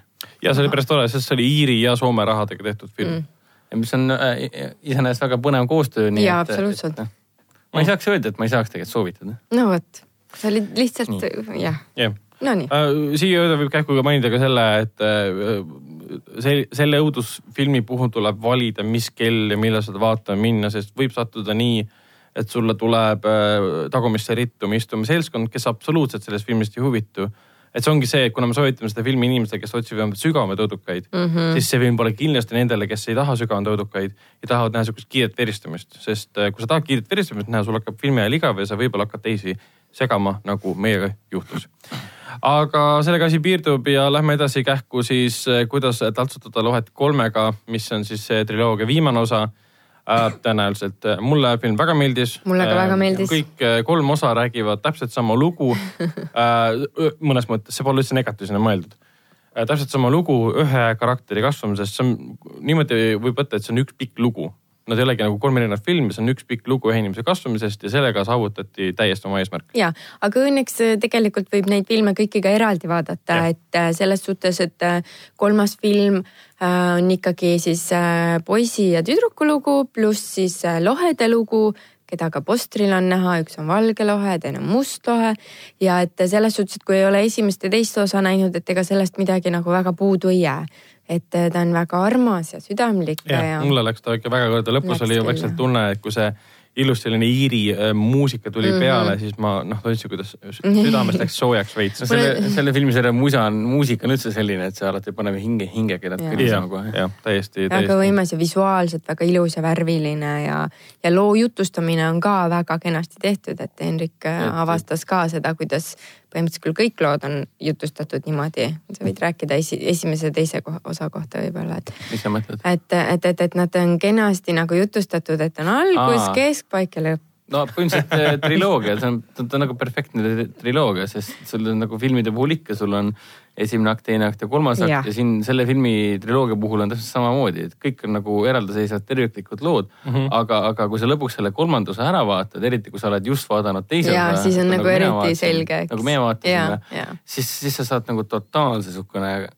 kuidas tasutada lohelaksu nii-öelda mm.. sa oled selles maailmas nii sees äh,. aga ta on äh, perfektne lõpp suurepärasele triloogiale, et see on üks nendest filmidest, mis lihtsalt paneb sind nagu tobedalt irvitama, sest sa sest sa oled nii õnnelik. ja no., ja. ja see on, see on see tunne, et ah, ma olen nii õnnelik, et ma vaatan nii head filmi no.. see on nagu olukordne tunne tegelikult, süda no, väriseb sees. ja no. kusjuures ta ei tundunud nii klišeeline, võib-olla esimeses osas oli mingi paar klišeed, et aa, tule, ma hüppan su peale või midagi siukest mm. -hmm. aga et let's ride või midagi. aga kolmas osa ma küll ei pannud tähele, et mingid klišeed oleks mind häirinud või, või, või noh, seal oli ju väga tugev ka see naiskarakter, millest nüüd kõik räägivad ja kõik tahavad, et ta oleks iseseisev ja ma ei tea, feministlik naislik või mis iganes nagu. Astrid. aa, okei naislohet või mis asja? ta oli hullult iseseisev, ta oli mingi võimu all aa, sa mõtled Astridit, kes on siis mõtlen, äh, peategelase. Kokutise, Kokutise kaasa. jah, nii-öelda ette nähtud kaasa, kellega nad saavad väga hästi läbi ja. ja seal ei ole midagi üli üle romantiseeritud või mis iganes, see oli väga maitsekas ja, ja väga ja. kuidagi niisugune toimiv, see oli mm. nii mõnus vaadata, et ei olnud see, et ah, mis asja nüüd nagu tuleb mingi prints ja printsess valgetel lohedel ja asjadel. ei, seda ei saanudki olla, see kokutas on algusest peale peaaegu alati olnud, isegi kui ta ei ole hädapäda, mm -hmm. hädapädakas, ta on alati mõjunud hädapädakuna tänu oma häälele. ja selle filmi kõrvaltegelased kogu aeg üritavad meie mhm. selgeks teha, et ta ei ole tegelikult nii lahe, kui ta tundub, et ta on. tal üks tegelane käib tal kogu aeg rääkimas. see tema girlfriend on nii äge lihtsalt. nojah, täpselt, girlfriend on tal nagu võimas isiksus aga tema ise, teised tulevad tema juurde, ütlevad talle kõnni sirget ja sa ei ole married no material ja kõik siuksed asjad, et sul pole habet ja kõik siuksed asjad. üks kaksikutest käis kogu aeg õiendamas temaga, et ja. sa pead nüüd olema, sa oled nüüd ikkagi uus juht meil ja, ja abielumees varsti. et räägi ikka madalamat, mitte niimoodi nagu oleksid kuskilt. köhi, köhi kurk puhtaks ja alanik on normaalne. jah et selle koha pealt tal on niisugused inimlikud teemad sees, ta on südamega siiralt tehtud mm -hmm. seetõttu nagu korda lähebki, et isegi kui sa loost mitte midagi ei tea, siis siin on siuksed klassikalised võtmed, võtmed tööle pandud väga hästi, mis avavad tee sinu teie südametesse. jah, ma ei kujuta ette, kui, kui hästi ta eesti keeles kõlab, sest no eesti keel teatud mõttes võib rikkuda natukene seda, seda, seda, seda mm, karakteri tajumist, aga mis, samas. mismoodi rikkuda? kui sa nagu loed lihtsalt maha, kui sa ei tunne, et äh, sisselugemisel on. aga äh, tead, Eesti, Eesti dublaaži näitlejad on aastatega muutunud nii profiks.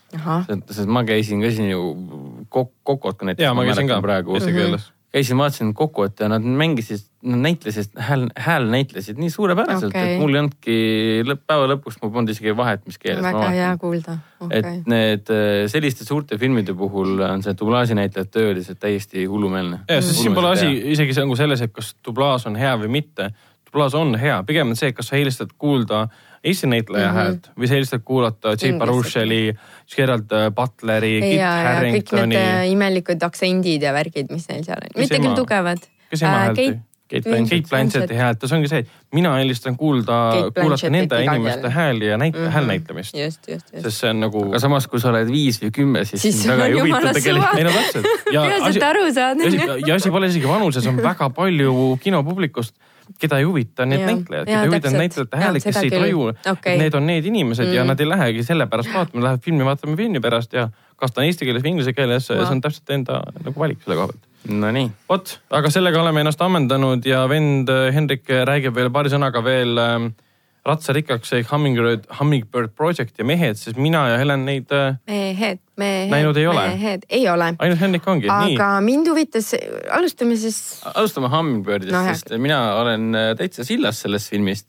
Eesti keeles on ta pealkiri Ratsarikkaks, peaosades on äh, kolm väga tuntud näitlejat, Jesse Eisenberg, Aleksander Skarsgård ja Salma Hayek. Inglise keeles siis Hummingbird Project. mis lõpus juhtub? ma ei tohi seda öelda. ma tahaks teada. me lõpetame saate ära, siis ma, Yes. siis kas ma nad, kas nad saavad? ratsarikkaks? mitu ratsanikku neil on rikkuse jaoks? ütleme nii, et siin, siin äh, tehakse kõike muud, kui ratsutatakse. aga filmi, filmi False lavast- advertising. filmi lavastajaks ja stsenaristiks on sihuke mees nagu äh, Kim Nguyen mm, -hmm. kes on varasemalt lavastanud sellise äh, väga tunnustatud filmi nimega War Witch. ja War Witch jõudis Aa, jah, tean. isegi sinna Oscaritele olla- kandideerides siis parima võrgkeelse filmi Oscarile mm. -hmm.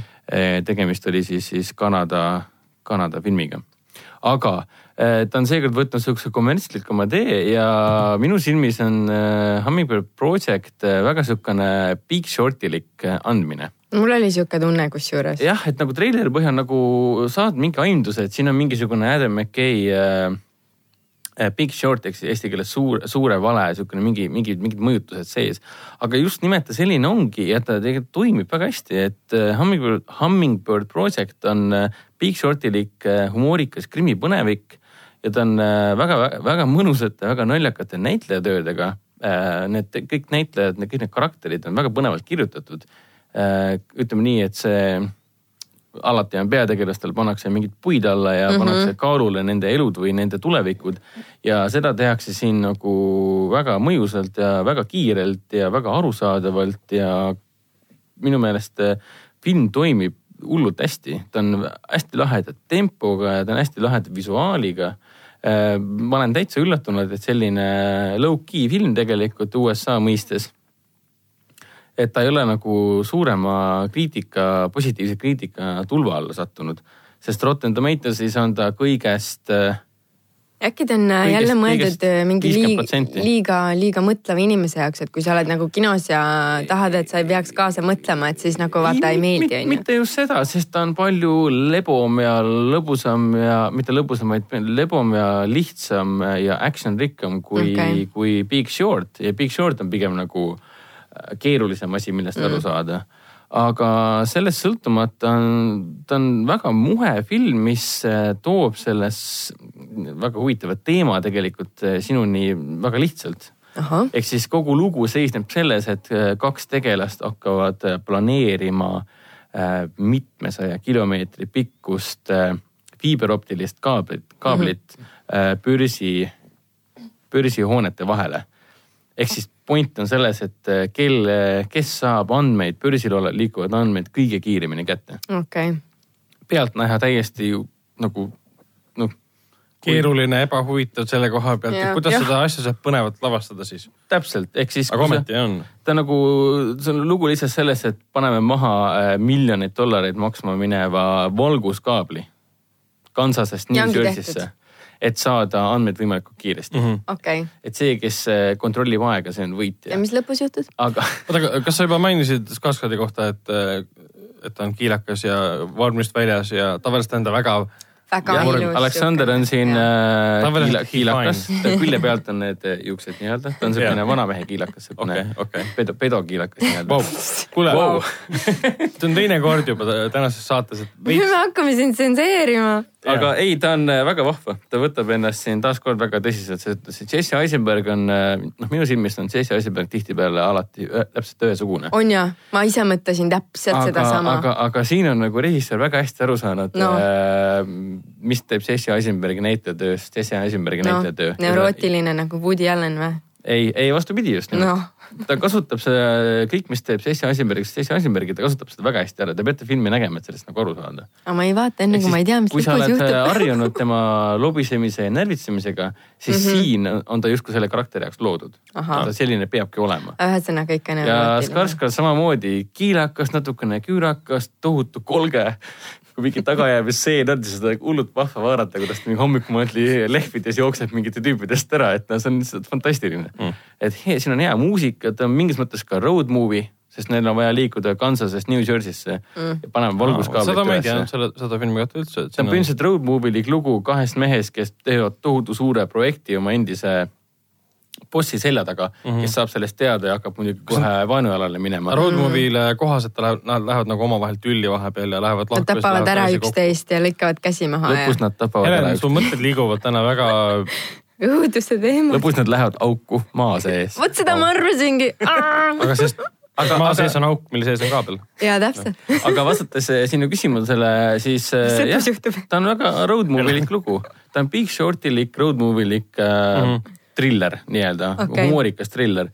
ja teine kõige lahedam asi on ka see, et siin mängib ka sihuke äge näitleja nagu Michael Mando nii, ma ei tea, kas see nimi nagu ütleb kõigile. ei, kusjuures väga ei ütlegi veel. aga ta on väga sümpaatse näolapi, väga sümpaatse näolapiga näitleja, kes on ka väga palju erinevates filmides tööd teinud ja sarjades.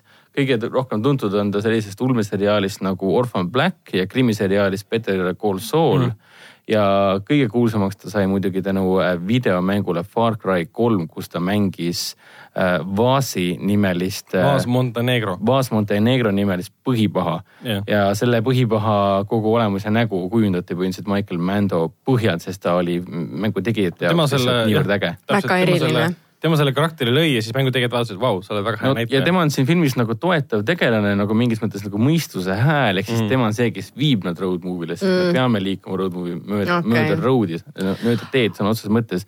ja ta on väga sümpaatne okay. ja lahe. ma ei jõua seda filmi tegelikult mingis mõttes ära kiita mm,. on tunda ja sellepärast võib-olla võikski nendest liikuvatest meestest siis rääkida Eesti kontekstis, kuhu nemad jõudsid omadega. mingis mõttes on äh, ratsarikkaks nagu nagu sihuke seitse-kümme film, tahaks öelda. aga, aga emotsionaalselt ta mõjub nagu mingi kaheksa-üheksa mm. -hmm et see on üks nendest filmidest, mis mõjub sellisena okay.. mulle, mulle treiler väga meeldis. ta jätab sulle väga hea tunde mm -hmm. sisse. okei okay,, ja Eesti mehed mitu punkti kümnest? Eesti mehed vaatasin ka ära siis eelmine nädal ja kuidas siis äh, Tiit Sukk, vaadake Tiit Sukk oli seal treileris äh,. Veiko Täär ja kes see kolmas oli, Margus Prangel lähevad üheskoos Gerda, Gerda Kordemetsa juhtimisel.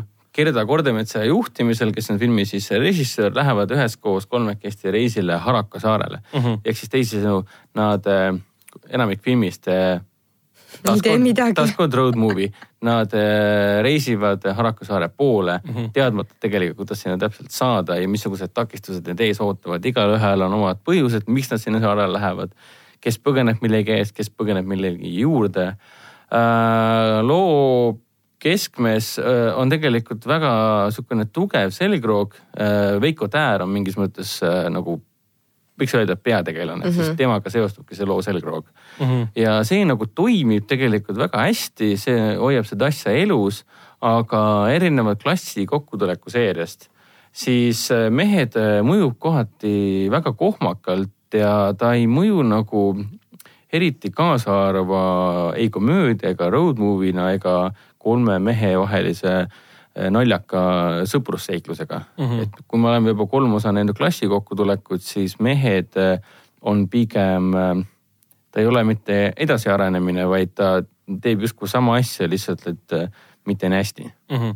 aga kuna, kuna pea, peanäitlejad kolm tükki on ju näidendatis ka osanud äh, hästi palju, siis on tunda ja. läbi filmi ka, et see põhimõtteliselt annab endast tunda selle koha pealt, et nad on nii palju seda rolli juba mänginud koos kolmekesi. et nagu ei toimi enam vist nagu. ei, ma just et... mõtlen seda, et ta toimib ilmselt väga hästi selle koha pealt, et kui filmi enda struktuur võib, tundub selline lahtine, siis need kolm töötavad hästi jah, sest äh, tähendab, kogu see Mehed põhineb sellise asja põhjal nagu keskealiste meeste jutud naistest filmidest ja alumiiniumkahvlitest. Ja kuidas mind kui kinokülastajat ähm, see siis peaks kinno tõmbama, kui ma iseenesest väga ei ole huvitatud keskealiste meeste kriisidest ja probleemidest või nende tundmaõppimisest, et ähm, mis, mis minule kui naissoost tegelasele võiks seal olla, et no aga, ma pean ütlema seda, et ainuke vaatamisväärsus pigem on Veiko Taar, Täär, aga. ma tahtsin just öelda, et Veiko Täär on siin. Äh, kui palju tal ekraaniaega on?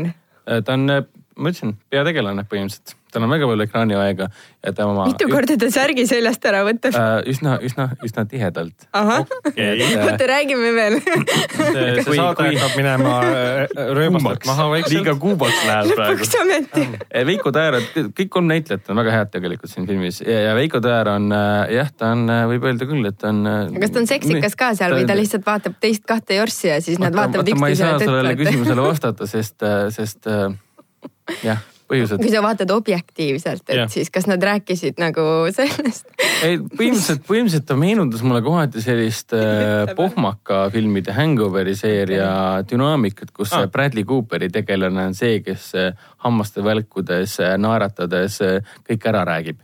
kõik, kõik naisolevused ära mm -hmm. räägib. seal Hangoveris nüüd põhikolmik oligi Galifianakis. Ed Ed Helms. Helms ja Cooper. jah, täpselt. Ja siin ta nagu mingis mõttes mõjus samamoodi, et Tiit Sukk on Zack Galifianakis, Veiko Täär on Bradley Cooper ja Ti- kuskil metsa ja vahel Margus. Prangel on äh, seesamune Ed Helms Ah. et äh, noh, seiklust nagu filmis jagub ja puha, aga samas, kui sa oled tõesti, ma kordan uuesti, et klassi kokkutulek on selle töö juba ära teinud mm. ja mehed kahjuks äh, ei anna sellesse andes Eestile suurt midagi juurde, et vastates sinu küsimusele mm, -hmm. miks sa peaksid vaatama minema kolme keskealist seiklemas mööda Eestimaa suve, siis äh, Eestimaa suve pärast äkki peamiselt siis, issand jumal, sest nad käivad siin Kihnu saarel ja Haraka saarel, mida tegelikult eks, see ei on tegelikult nagu eksisteeri. dokumentaalfilm siis. jah, võtab kokku Eesti, Eesti, Eesti, Eestimaa kauni suve nii-öelda. aga, aga jah, ei ütleme nii, et klassi kokkutulek kolm on siiamaani kinos, et. Aa, on ka või? ja on küll jah mm,. miks sa naerad? issand jumal, see on, nagu neid jõuab suvi, vahtida enam. noh. suvi pole meil kohale. suvi pole alanud, aga mis asja? täht on sündinud, millal esilinastus Täht on sündinud ka aasta Eestis? aega tagasi enam-vähem või? nii, teab keegi vastust või? septembris. eelmise aasta sügisel viiendal oktoobril ehk siis eelmise aasta sügisel. ja Bohemian Rhapsody äh, Eesti esilinastus äh, oli kahekümne kolmandal oktoobril. ja need on mõlemad on siiamaani kinos. mõlemad on siiamaani peos.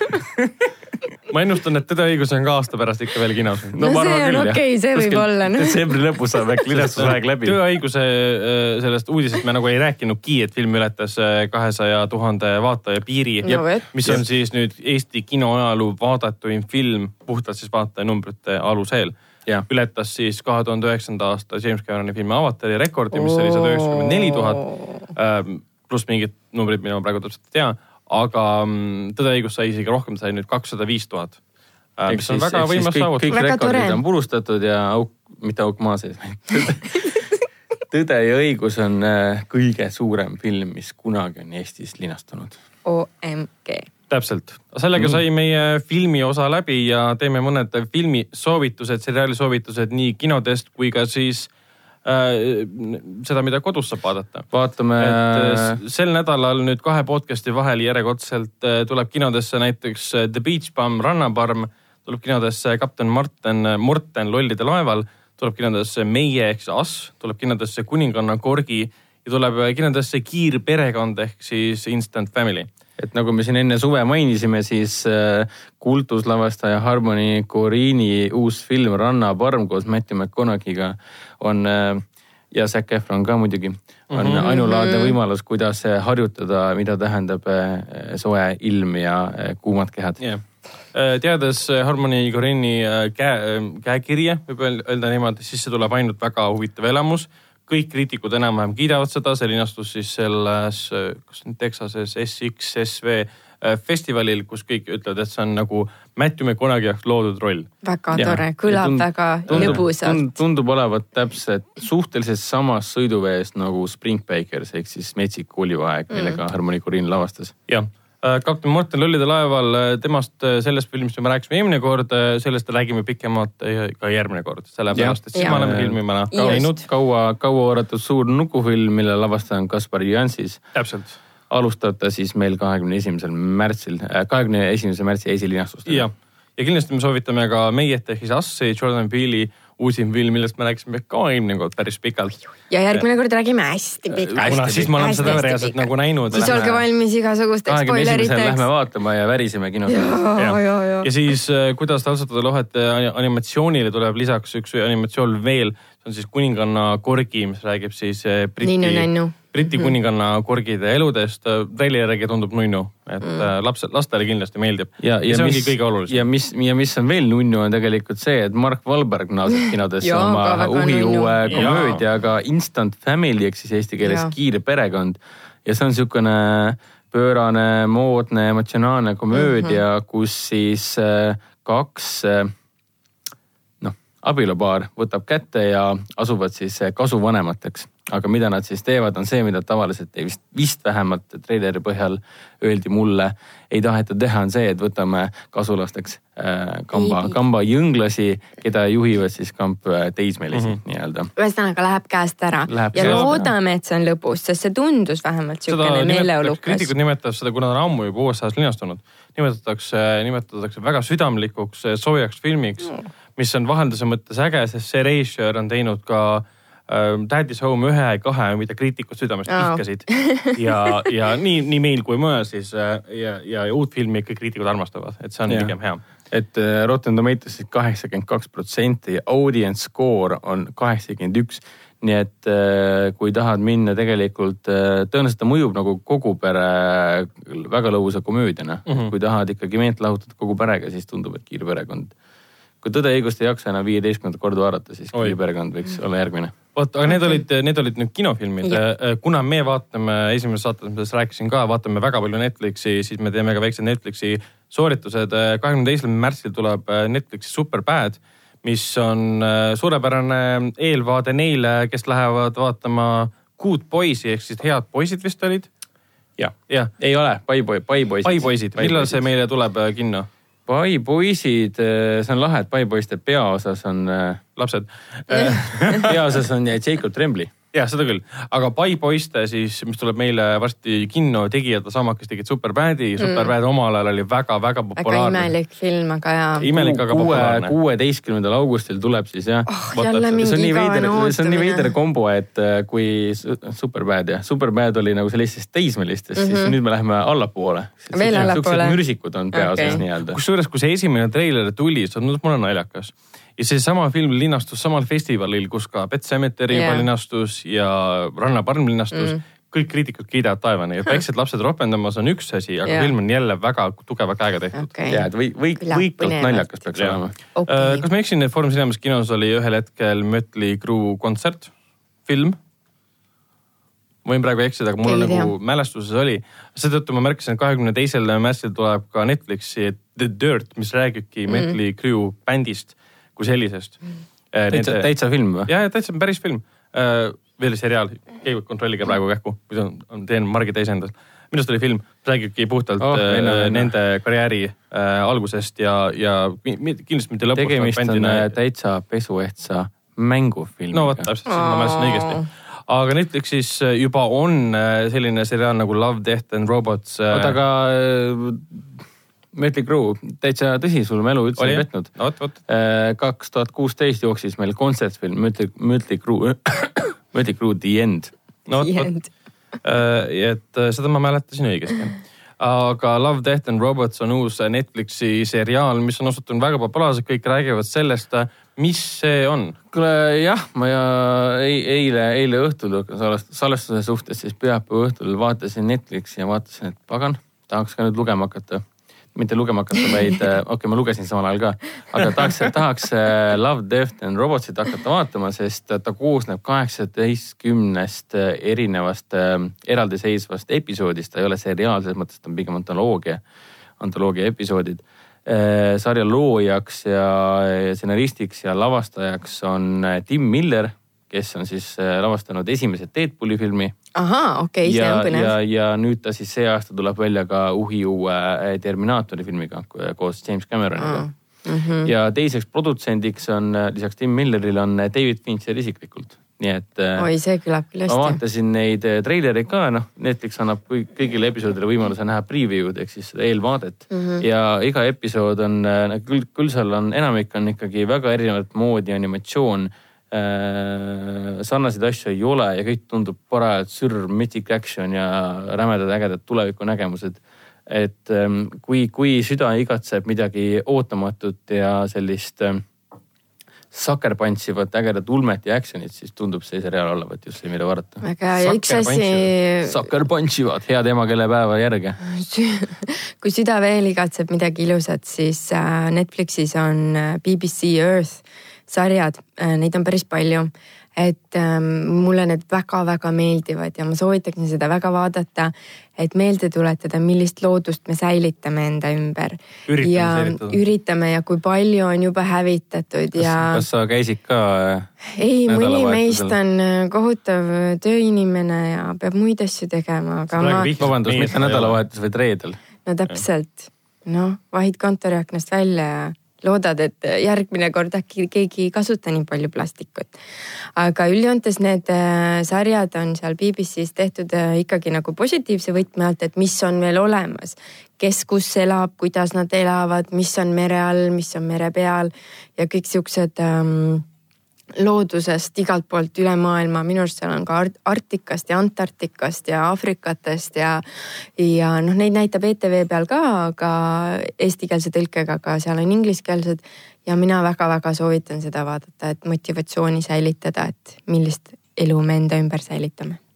aitäh. no selge, aga ma arvan, et kutsume, kutsume saate saateks ähm,. aitäh kuulamast ja näeme järgmisel nädalal äh, minuga koos siin saates, nii nagu alati olid mm, -hmm. olid Hendrik ja oli, oli Helen. Bye. Bye. ära, kuule, naera nüüd niimoodi imelikult.